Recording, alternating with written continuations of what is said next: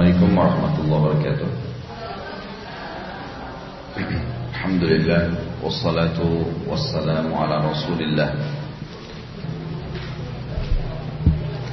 Kita lanjutin hadis Bulughul Maram 616 ya Baik Wa an Jabir Wa an Jabir radhiyallahu anhu أن النبي صلى الله عليه وسلم قال لا تدفنوا موتاكم بالليل إلا أن تضطروا أخرج ابن ماجه وأصله في مسلم لكن قال زجر أن يقبر الرجل بالليل حتى يصلي عليه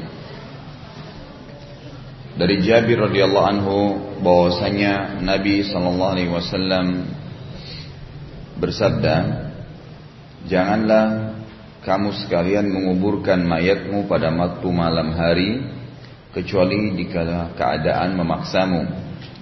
Dikeluarkan oleh Ibnu Majah dan asalnya dalam sahih dalam riwayat Muslim. Namun ia berkata, beliau melarang seseorang menguburkan mayat malam hari sebelum disolatkan terlebih dahulu. Footnote nomor satu, hadis Muslim menunjukkan bahwasanya larangan ini berlaku apabila dikhawatirkan menimbulkan terlontarnya hak mayat seperti mengakibatkan tidak disolatnya, solatinya mayat atau kafannya tidak sempurna. Dari hadis ini kita ambil pelajaran bahwasanya menguburkan mayat di malam hari boleh, bukan tidak boleh, asal tidak terbengkalai haknya si mayit. Haknya yang paling prioritas adalah pengurusan jenazahnya. Pengurusan jenazahnya. Makanya di penutupan hadis dikatakan Nabi Shallallahu Alaihi Wasallam melarang penguburan mayit di malam hari kalau dia belum sempat disolati. Misal dia meninggal jam 12 malam, gitu. Kemudian tidak ada persiapan, tidak ada orang yang bisa sholatin, nggak ada orang yang bisa mandikan jenazahnya, maka terpaksa ditunggu sampai selesai subuh misalnya. Tapi pada saat misalnya ada yang bisa ngurus, bisa disolati, kemudian ada yang bisa ngurus kain kafannya, mandiannya segala, maka nggak masalah. Maka nggak masalah. Dari hadis ini juga diambil pelajaran pertama boleh ya, boleh meng, apa, menguburkan mayat di malam hari. Diambil juga pelajaran bahwasanya boleh mayat ya tidak dikubur pada malam hari itu dan ditunggu keesokan paginya bila memang tidak ada persiapan. Jadi sebaliknya. Karena ada hadis yang lain menjelaskan sebenarnya ikramu mayyit dafnuhu, penghormatan terhadap mayit itu segera dimakamkan segera dimakamkan. Jadi dua pelajaran dari hadis ini kalau ada mayit yang meninggal malam hari. 617 wa an Abdullah bin Ja'far radhiyallahu anhu qal lamma ja'a na na'yu Ja'fari hina qutil qala Rasulullah SAW isna'u li ali Ja'far li Ja'fari ta'ama faqad atakum faqad atahum ma yashghilu ma yashghiluhum akhrajal khamsa illa an-nasa'i 617 ini menjelaskan apa yang harus ibu lakukan kalau ada kematian kerabat atau teman dekat kita.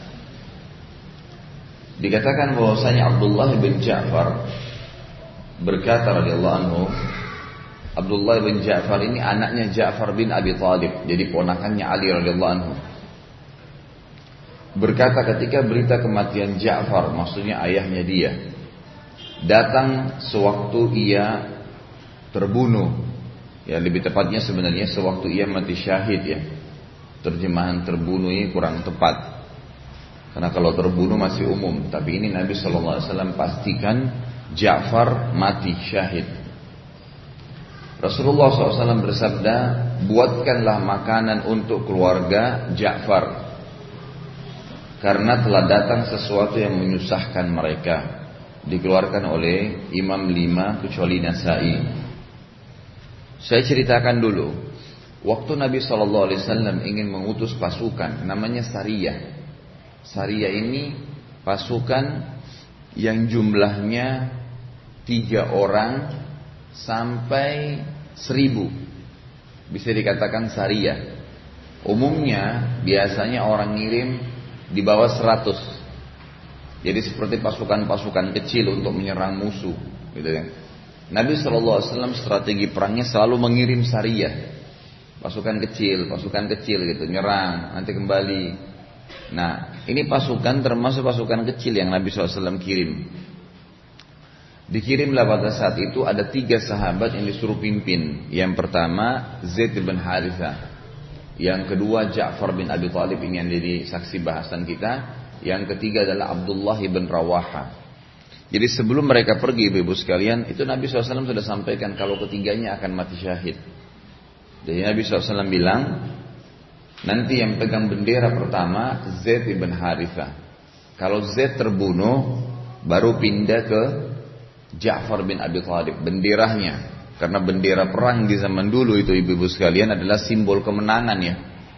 Jadi kalau orang sudah nyerang, kalau orang biasanya mau menang zaman dulu itu masih pakai pedang, pakai panah, yang diserang itu yang pegang bendera. Karena kalau benderanya jatuh, maka pasukan lihat dan tidak ada yang dirikan lagi, maka berarti mundur, kalah semua mundur. Kalau bendera ditarik tiba-tiba keluar ke satu lokasi, misalnya, maka pasukan semua ikut ke bendera itu. Jadi patokannya bendera karena kalau perang lagi berkecamuk kita nggak bisa perhatikan lagi kan gitu. Selalu patokannya bendera. Nah Nabi sudah bilang kalau Zaid bin Haritha dia yang pertama pegang bendera. Kalau dia terbunuh artinya dia mati syahid, maka yang pegang bendera adalah Ja'far bin Abi Thalib. Kalau Ja'far bin Abi Thalib meninggal, maka yang pegang bendera Abdullah bin Rawaha. Nah, pada saat mereka lagi berperang ibu-ibu sekalian, Nabi Muhammad SAW di Madinah lagi dulu di masjid menceritakan kecamuk perang itu. Jadi ada wahyu yang datang menyampaikan bagaimana prosesi perang terjadi. Maka Nabi SAW ceritain, sekarang peperangan sudah berkecamuk. Zaid bin Harithah maju dengan benderanya. Kemudian pasukan muslimin menyerang dan seterusnya. Sampai Zaid bin Harithah terbunuh. Jadi saksi bahasan kita nggak ceritain semua peperangan. Zaid bin Harithah pemegang bendera pertama Nabi SAW mati terbunuh syahid. Kemudian Nabi bilang, datang Ja'far bin Abi Thalib memegang bendera itu. Kemudian Ja'far pun maju ke pasukan. Kemudian tangan kanannya dipotong.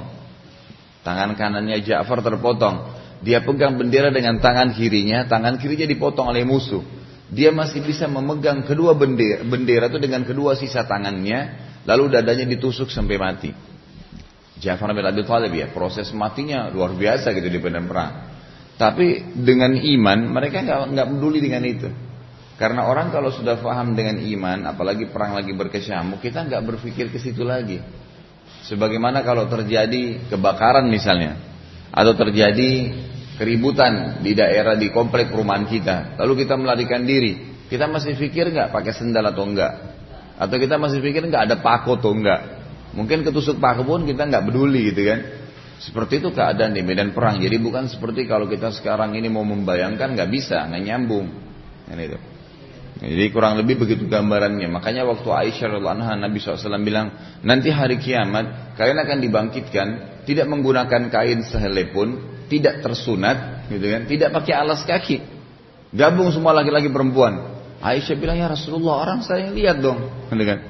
Orang pasti lihat laki-laki perempuan. Kata Nabi SAW apa? Wahai Aisyah, nanti pada saat itu bukan seperti yang kau bayangkan. Jadi tidak ada lagi orang lihat syahwat, nggak ada. Walaupun perempuan telanjang, laki-laki telanjang dibangkitkan itu mereka sudah ketakutan memikirkan amalnya. Nah kalau saya biasa jelaskan hadis ini, kalau terjadi perang nih misalnya, kemudian kita lagi di kamar mandi nggak sempat pakai baju, terus lagi diserang, kita lari. Orang-orang mungkin ada juga yang lagi mandi lari, nggak pakai baju. Mungkin kita nggak bakal lihat lagi, eh telanjang dilihat badannya kan sudah nggak.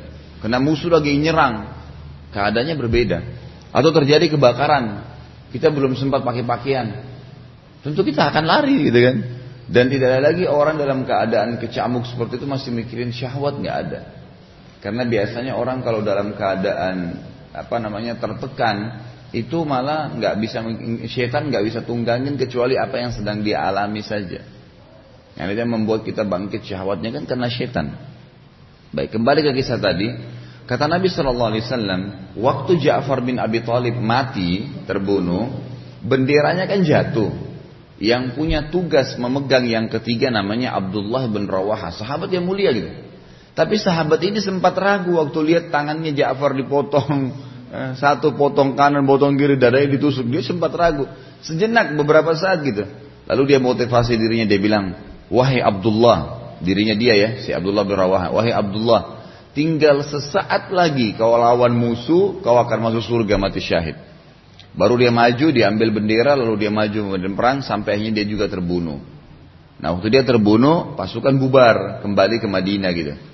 Nabi SAW bilang, saya diperlihatkan oleh Allah Subhanahu Wa Taala Ja'far bin Abi Thalib yang jadi saksi bahasan kita sama Zaid bin Haritha yang pertama sahabat yang pertama pegang bendera itu diberikan oleh Allah singa sana kakinya empat penuh dengan permata. Gitu kan? Di, di surga. Dan Abdullah bin Rawaha sahabat yang ketiga diberikan oleh Allah singa sana kakinya tiga. Beda fasilitasnya. Permatanya kurang tidak sebanyak yang mereka berdua. Para sahabat yang lain bertanya kenapa ya Rasulullah? Bukankah sama-sama mereka bagi perang kata Nabi SAW karena Abdullah bin Rawaha sempat ragu sejenak jadi ternyata ragu berhubungan ibadah itu menghilangkan fasilitas tuh. Ini lagi azan, tiba mau sholat, tidak ada sebentar minum teh dulu. Itu beda loh pahalanya dengan orang begitu langsung azan sholat. Contohnya, nah ini contohnya orang perang, gitu kan? Saya sengaja datangkan kisah ini supaya menjelaskan tidak boleh menunda ibadah dan tidak boleh setengah-setengah. Ibu mau keluarin duit dari dompet 100 ribu atau 50 ribu ya infak, gitu kan? 50 ribu aja deh. Nah tadi 100 ribu tuh bisa banyak dapat fasilitas. Harus dilawan. Itu was-was syaitan semuanya. Nah ini kisah tentu tidak ada dalam sini tapi karena disebutkan hadisnya Ja'far bin Abi Thalib maka saya sebutkan kisahnya gitu. Nah waktu Ja'far bin Abi Thalib meninggal dunia, keluarganya pada nangis di Madinah. Jawabannya, bolehkah keluarga bersedih? Boleh, tapi tidak boleh niyaha yang kita jelaskan kemarin. Enggak boleh teriak-teriak, boleh pukul-pukul badan, doain sembarangan jadi kita enggak. Karena mati itu kebetulan hanya proses kita pindah ke alam akhirat dan bisa saja siapa saja bisa mendahului kita. Siapa saja bisa mendahului kita gitu. Baik.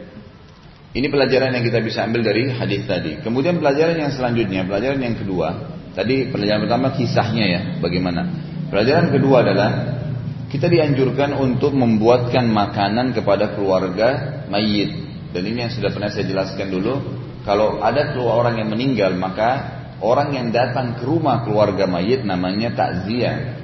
Dan sering saya ulangi takziah beda dengan ziarah. Ziarah boleh duduk, ngobrol, makan, apa saja silahkan. Lama-lama, nginep, nggak masalah. Tapi kalau takziah beda, takziah itu terdefinisinya meringankan beban keluarga mayit mengurangi atau menghilangkan beban sedihnya keluarga mayit. Di antaranya kita mendoakan, kita membawakan makanan, kita tidak berlama-lama di rumah tadi, rumah duka itu. Jadi kita datang lebih baik kita bergonta-ganti datang dan cepat-cepat. Itu kan Nabi SAW itu selalu kalau bertakziah tidak pernah lama. Bahkan sebagian ulama salaf itu kalau takziah nggak pakai duduk. Datang sabarin, doain Allahu ajrakum kayak kita tulisin kemarin di papan tulis ya, Kamis yang lalu itu. Semoga Allah mengagungkan pahala kalian. Inna lillahi ma'afa. Semua milik Allah apa yang dia kasih. Walillahi ma'akhad. Miliknya Allah semua yang dia ambil. Wa kullu syai'in. Semua berputar sesuai dengan takdirnya. Semua berputar dengan takdirnya. Lalu kita pulang. Ada Allah ajrakum sudah pernah saya tulis. Baik, sebentar ya. Ini yang bilang belum ini dua orang atau semuanya? Saya masih ingat saya tulis di sini dua hari. Anggaplah bukan bukan Kamis lalu, tapi sebelumnya.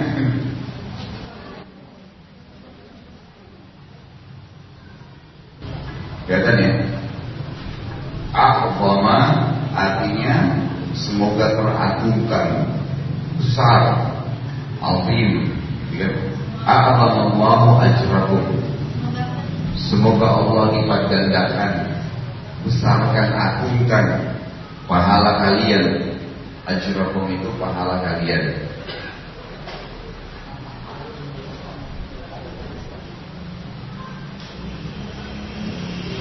A'adallahu ajrakum. Semoga Allah lipat gandakan pahala kalian. Inna lillahi sesungguhnya milik Allah ma'aqwa apa pun yang dia beri maksudnya di sini adalah kehidupan ya. Terutama kehidupan. Dan apa yang berhubungan dengan kehidupan itu? Ya nafas, ya makan, ya minum, ya keturunan, ya orang tua. Semua itu milik Allah. Inna lillahi sesungguhnya milik Allah. Ma'aqwa apa pun yang dia berikan dari kehidupan dan rangkaian kehidupan itu.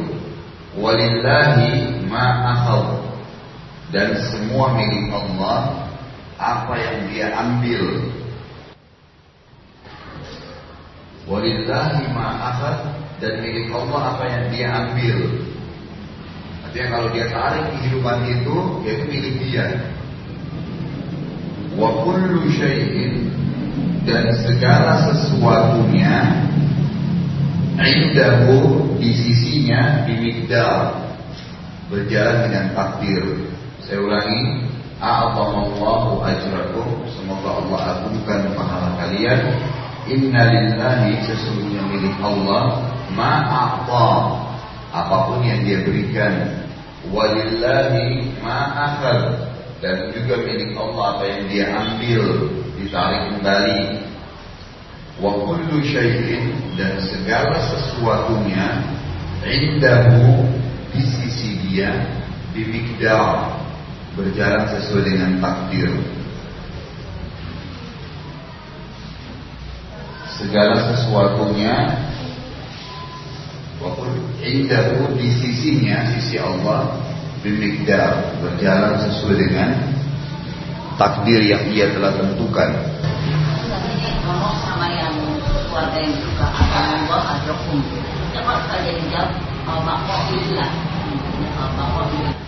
Saya tidak tahu kalau jawaban. Memang biasanya ada orang bilang begitu.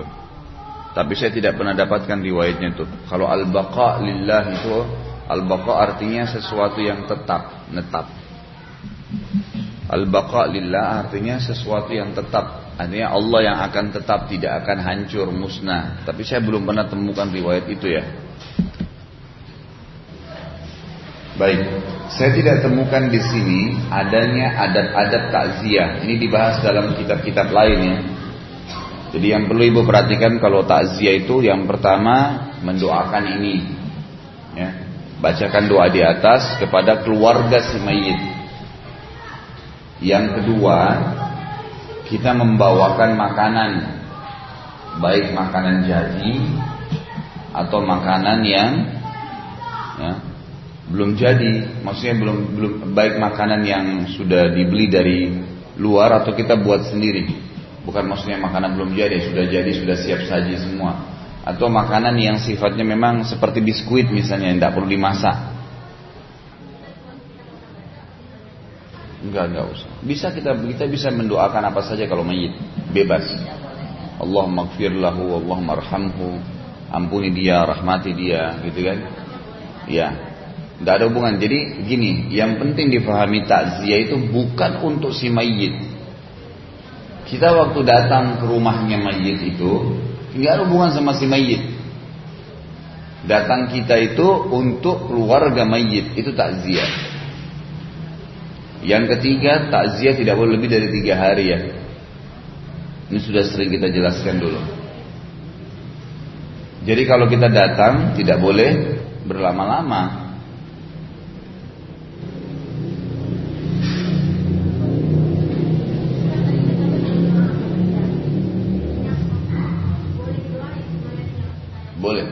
Secara pribadi boleh. Ibu datang ke rumah keluarga mayit. Ibu pertama sekali ibu lakukan adalah mendoakan keluarga si mayit. Bukan mayitnya. Keluarga si mayit. Kita doakan supaya dia sabar. Tadi doakan supaya diagungkan pahalanya. Sebagian ulama mengatakan boleh kita tambahin dengan kata-kata positif. Misal eh, sabar ya, insya Allah nanti akan ketemu kok di akhirat misalnya gitu. Atau kita ucapin kalimat apalah namanya kalimat azza.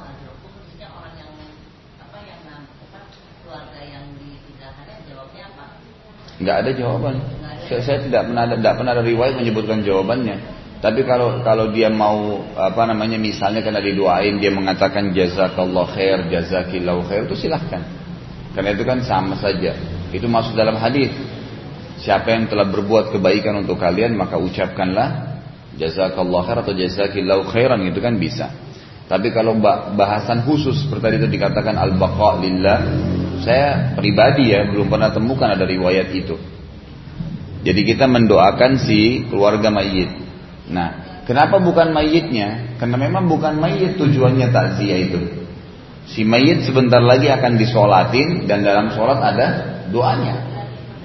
Itu kan?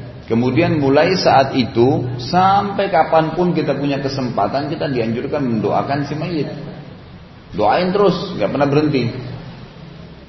Tapi kalau keluarga mayit maksimal tiga hari kita mendatangi mereka maksimal tiga hari.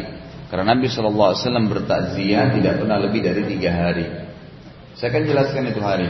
Apa sebabnya orang banyak di acara takziah buat acara-acara ritual seperti misalnya tahlilan, baca yasinan. Karena mereka memahami takziah itu untuk si mayit. Iya kan? Untuk apa orang baca tahlilan? Untuk dikirim kepada si mayit. Karena dia anggap takziah itu untuk mayit. Ini sudah salah langkah. Takziah itu untuk keluarganya si mayit. Makanya kita ya bawa makanan, kita doain mereka, sabarin mereka. Kalau mayit itu tidak pakai tuh tiga, tiga hari, tujuh hari nggak pakai. Setiap saat didoain.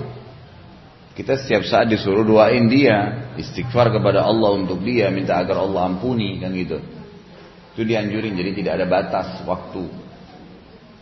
Dan subhanallah tidak ada rumah yang menjalankan cara Nabi Shallallahu Alaihi Wasallam ini kecuali pasti tenang. Gitu. Misalnya dari satu keluarga itu ada satu misalnya yang Nasrani, yang keluarga yang ini uh, semua Muslim. Kita kebetulan berteman dengan yang Muslim itu, nah yang meninggal ini misalnya Nasrani. Kita apa kan kita datang ke dia bukan karena mayat ini, karena keluarganya. Kita tetap ini atau berbeda. Yang mati siapa?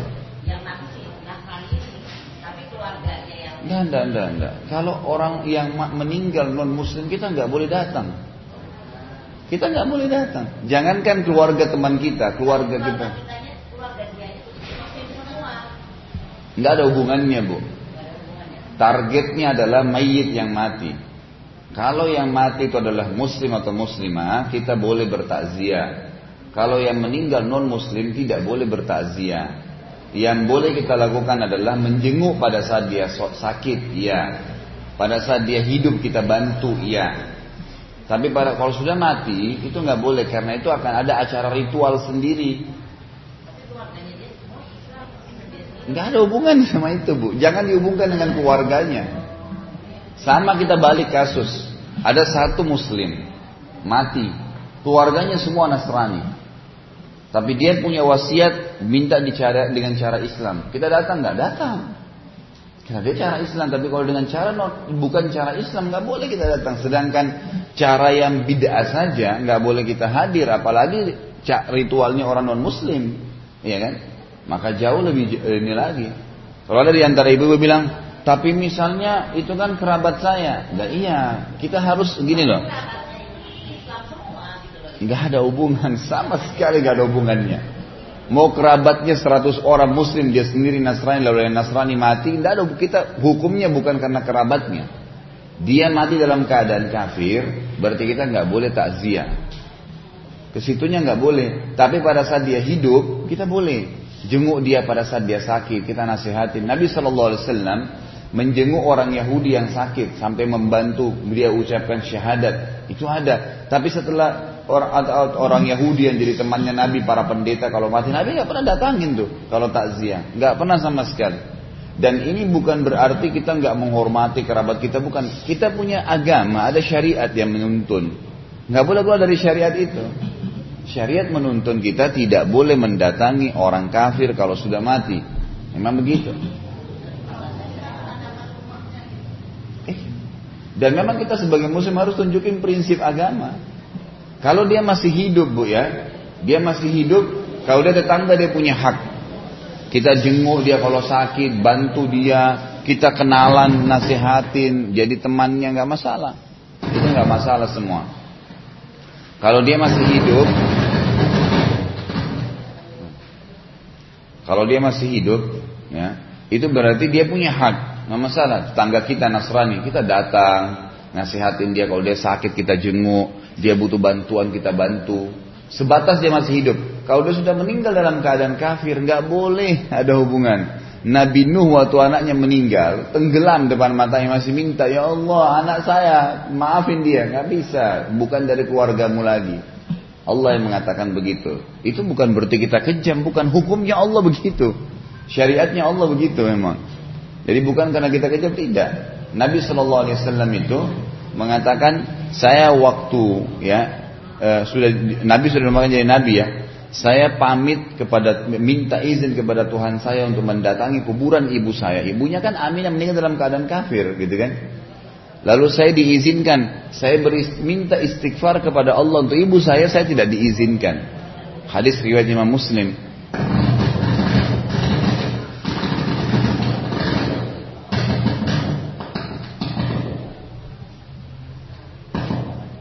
Baik, jadi apa?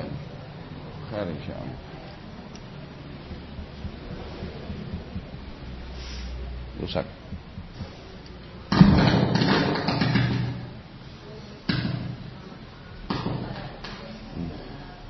Udah nggak apa-apa. Jadi begitu ya, jangan sampai nanti ada yang berpikir karena kerabatnya, kemudian dia rasa nggak enak. Enggak, bukan nggak enak. Kalau ada orang kafir yang meninggal, memang sudah hukum syar'inya, kita nggak termasuk dalam bertakziah. Tinggal pendapat ulama, bagaimana kalau seandainya seorang anak muslim, ibu dan ayahnya non muslim, meninggal, Apakah dia boleh mengurus jenazahnya? Jawabannya boleh. Kalau anaknya ya. Karena kepatuhan kepada kedua orang tua dan berbakti sama mereka, baik hidup apa pun sudah mati. Walaupun orang tua kita dalam keadaan kafir. Gitu kan? Karena anak ya, sebagaimana pada saat hidup dia boleh berbakti, tapi tidak boleh mentaati pada hal-hal yang berbau kemaksiatan, pada saat sudah meninggal juga sama. Pada saat sudah meninggal pun sama. Jadi misal orang tua seseorang di antara muslim dalam keadaan kafir, kemudian meninggal dunia. Dia boleh mengurus jenazahnya, gitu kan? Tapi sebatas itu dilakukan hal-hal yang tidak melanggar agama. Misal kalau dia minta e, keluarga yang lain minta dibiayai supaya diritualkan seperti Nasrani misalnya, maka kita tidak boleh terlibat di situ. Tapi yang lain-lain boleh kita terlibat, gitu kan? Misal melunasi utangnya, ya masalah. Itu boleh anak makan dianjurkan, gitu kan?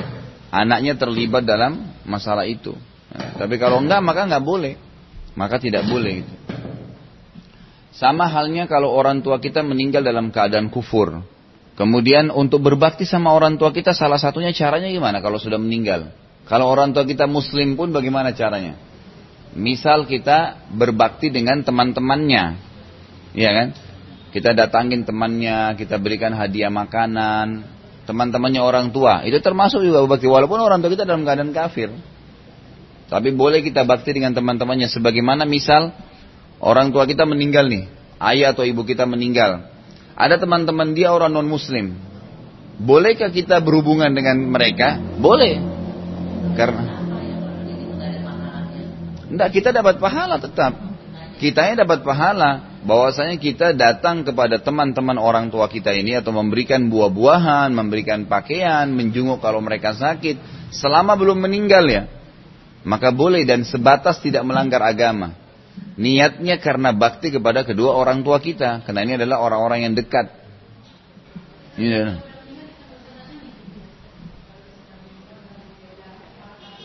Iya. Memang begitu. Maksudnya datang gimana bu?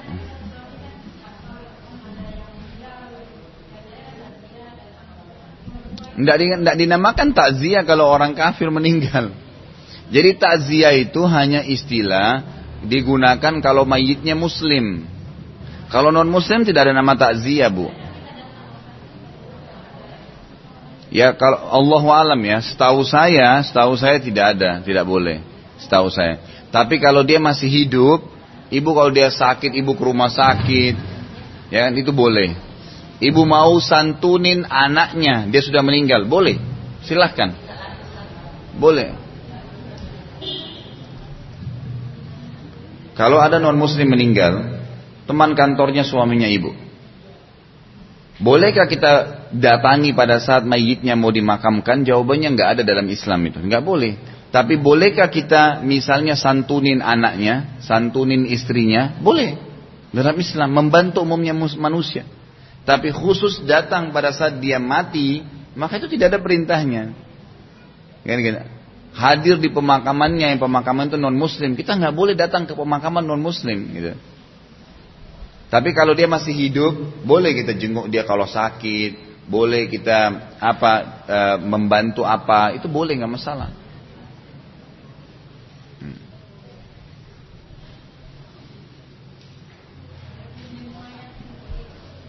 Sudah nggak nggak. Jadi jangan di, jangan jangan terlalu bimbang ya, nggak usah bimbang. Emang hukum syar'inya kalau orang non muslim yang mati, kita nggak boleh menjenguk jenazahnya, melihat itu. Jadi memang nggak boleh. Saya bilang tadi, kecuali dalam satu keadaan, memang yang meninggal itu adalah ayah seseorang muslim atau ibunya. Saya muslim, orang tua saya non muslim, meninggal. Bolehkah saya urus jenazahnya? Boleh. Anak beda. Tapi kalau kerabat saja nggak boleh, apalagi kalau teman, emang nggak boleh. Maksudnya?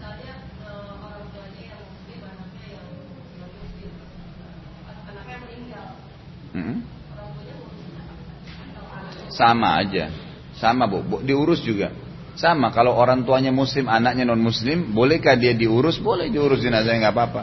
Tapi urusan ini, urusan jenazah tidak boleh melanggar hukum Allah.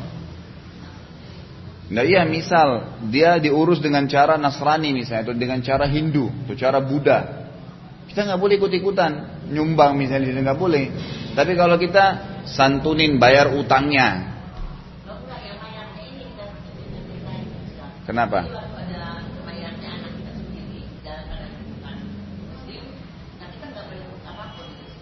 Loh kita urus selama memang itu masih tidak melanggar agama. Misal kita mandikan dengan cara Islam, mungkin kita kafani. Hah? Loh iya. Boleh. Kenapa enggak? Boleh. Justru itu kita boleh terlibat. Kalau misalnya tiba-tiba dia diurus oleh teman-temannya atau misal ada seorang muslimah murtad gara-gara nikah, lalu diurus dengan suaminya dengan cara Nasrani, kita nggak boleh terlibat. Emang dia sudah pindah agama. Jadi nggak usah nggak usah anu kaku di situ kenapa nggak boleh lah jadi harus bagian memang tidak boleh dalam Islam. Kalau oke okay, sekarang kita bolehkan ibu urus. Mana ibu pilih? Ngurus jenazahnya dia dalam keadaan kafir atau ibu tidak urus? Tentu tidak urus deh karena kita terlibat. Sedangkan muslim yang berbuat bid'ah kita nggak boleh hadir di acara ritualnya.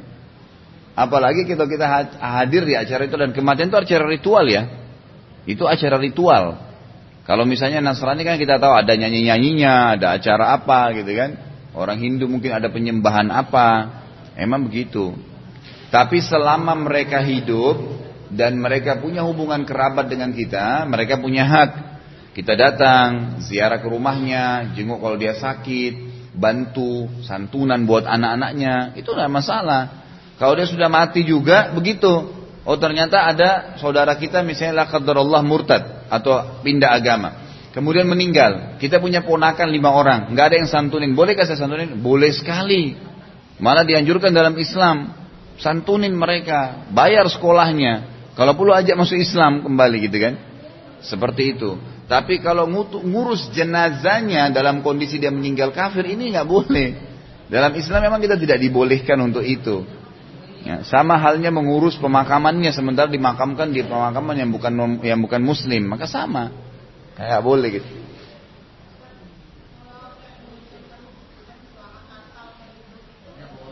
Sama. Nggak boleh. Apa pun yang mendukung akidah non muslim tidak boleh kita terlibat. Mengucapkan selamat Natal kah? Ya kan? Sama halnya sampai hal yang besar ulama hal-hal yang kecil ulama mengatakan mengucapkan selamat ulang tahun.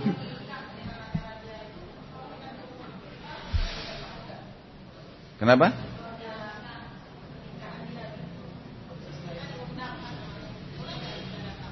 Kalau tidak ada hubungannya melanggar agama, misal Ibu diundang sama non muslim, tapi acaranya di gedung. Hanya datang untuk acara gedung dan kita punya hubungan kerabat atau teman dengan dia. Bolehkah kita datang? Kalau tidak ada pelanggaran agama silahkan. Saya tanya gini bu, ada orang muslim, saudaranya ibu menikah. Tapi dia buat acara maksiat, bolehkah ibu datang? Terus bagaimana dengan orang non muslim? Kan gitu. Ya muslim aja kalau dia putar musik acara-acara yang berbahaya, berbau maksiat. Bolehkah kita hadir? Jawabannya nggak boleh. Bagaimana dengan non muslim? Jadi nggak usah ragu. Agama bilang tidak boleh, nggak nggak boleh dikerjain. Tapi itu tidak memutus hubungan kita sama mereka, tidak. Kita tetap boleh interaksi, kita tetap boleh jenguk kalau dia sakit tadi, kita boleh datang ke rumahnya. Setelah itu nggak masalah. Jangan pada hari H itu hari-hari mana memang dia buat acara pelanggaran nggak boleh kita hadir gitu. Kalau misalnya dibuat acara pernikahan di gereja, bolehkah saya hadir? Alasan apa kita masuk ke gereja itu? Sedangkan tidak ada pernikahan aja nggak boleh gitu. Apalagi kalau sampai begitu. Hah? Kenapa? Lo tadi kan saya sudah bilang, kalau di gedung dan tidak ada pelanggaran agama menurut syariat Islam, silakan ibu datang. Gitu kan? Tapi di mana kita mau temukan yang tidak ada pelanggaran agama ini? Ya, kan? orang terbuka auratnya sana sini ya, belum acara musiknya ya, belum acara apanya gitu kan? Nah itu. Apa itu? Per, sekarang pindah lagi masalah lain ya, berarti pernikahan.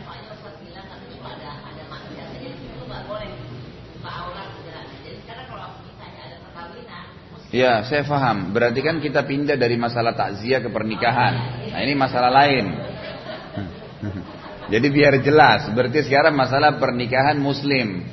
Apakah memang harus dipisahin tamunya? Jawabannya lebih baik. Tentu saja lebih baik dipisahin. Misal contoh, misal contoh, ibu pisahin jamnya. Kalau yang sering sudah dilakukan oleh uh, apa teman-teman yang di pengajian saya itu, gimana caranya Ustaz ya? Coba pisahin jamnya. Cari masjid yang ada gedungnya, misal buat acara sekalian. Jadi jam 10 pagi akad nikah, berikut langsung acara laki-laki.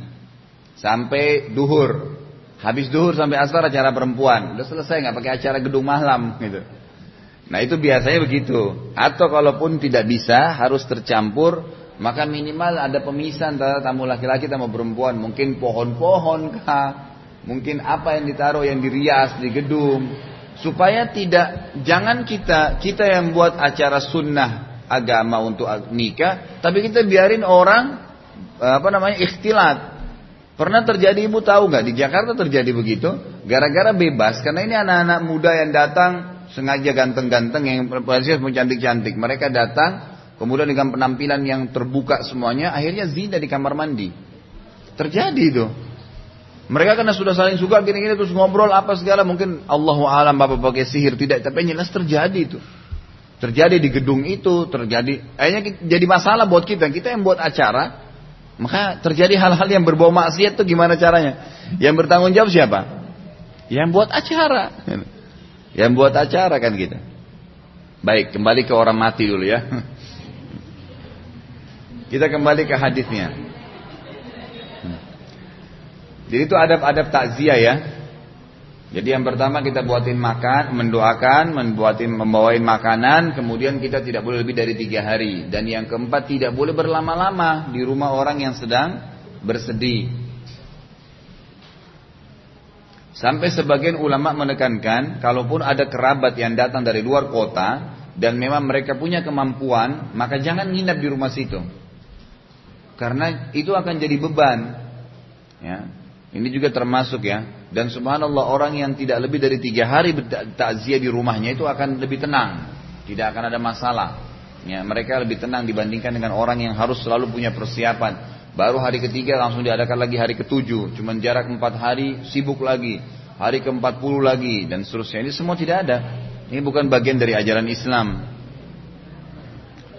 Baik 618 وعن سليمان بن بريدة عن أبيه رضي الله عنه ما قال كان رسول الله صلى الله عليه وسلم يعلمهم إذا خرجوا إلى المقابر أن يقولوا السلام عليكم أهل الديار من المؤمنين والمسلمين وإن إن شاء الله تعالى بكم لاحقون نسأل الله لنا ولكم العافية رواه مسلم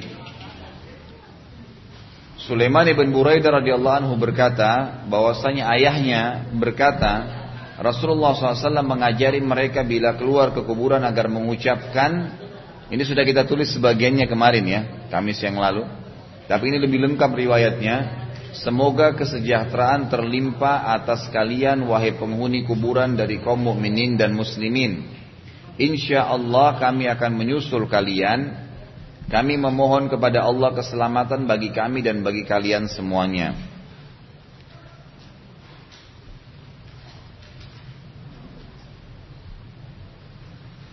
Jadi riwayat ini menambahkan apa yang kita tulis Kamis yang lalu ya. Assalamualaikum dara kaumin ya ahlad diyari minal mu'minin. Bedanya di kata-kata ahlad diyari minal mu'minin ada tambahan wal muslimin. Kan gitu. Wa inna insyaallah taala bikum lahikun ada tambahan lagi nas'alullah lana wa lakumul afiyah.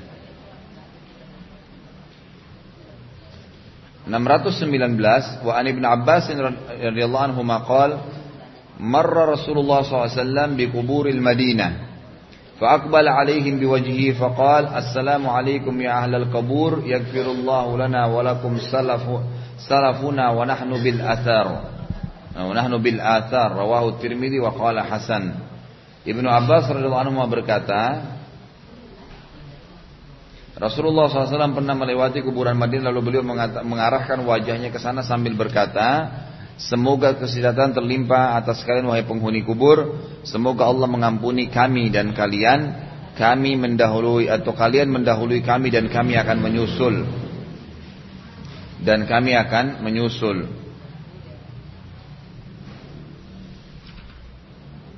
Jadi di antara doa-doa yang dibaca pada saat kita datang ke kuburan. Kemudian 620 ini apa yang mesti kita jaga juga kalau ada keluarga kita yang mati ya. Wa an Aisyah radhiyallahu anha qalat kalau Rasulullah SAW la tasubbul amwata fa innahum qad afdhaw ila ma qaddamu rawahu Bukhari. Aisyah berkata dalam bahwasanya Rasulullah SAW bersabda janganlah mencaci maki orang-orang yang telah mati. Kenapa? Karena mereka telah sampai pada balasan terhadap apa yang telah mereka kerjakan. Jadi kata ulama dari hadis ini pelajaran besar. Walaupun orang muslim ya, atau orang non muslim jahat atau tidak jahat sama saja. Artinya kita sebagai orang yang masih hidup dituntun agar tidak merusak hati kita, agar tidak merusak hati kita sendiri. Jadi kita menjaganya agar tidak merusak hati kita dengan tidak lagi mencaci maki atau membenci orang yang sudah mati, sudah selesai. Subhanakallahumma bihamdika asyhadu an la ilaha illa anta astaghfiruka wa atubu ilaik. Wassalamualaikum warahmatullahi wabarakatuh.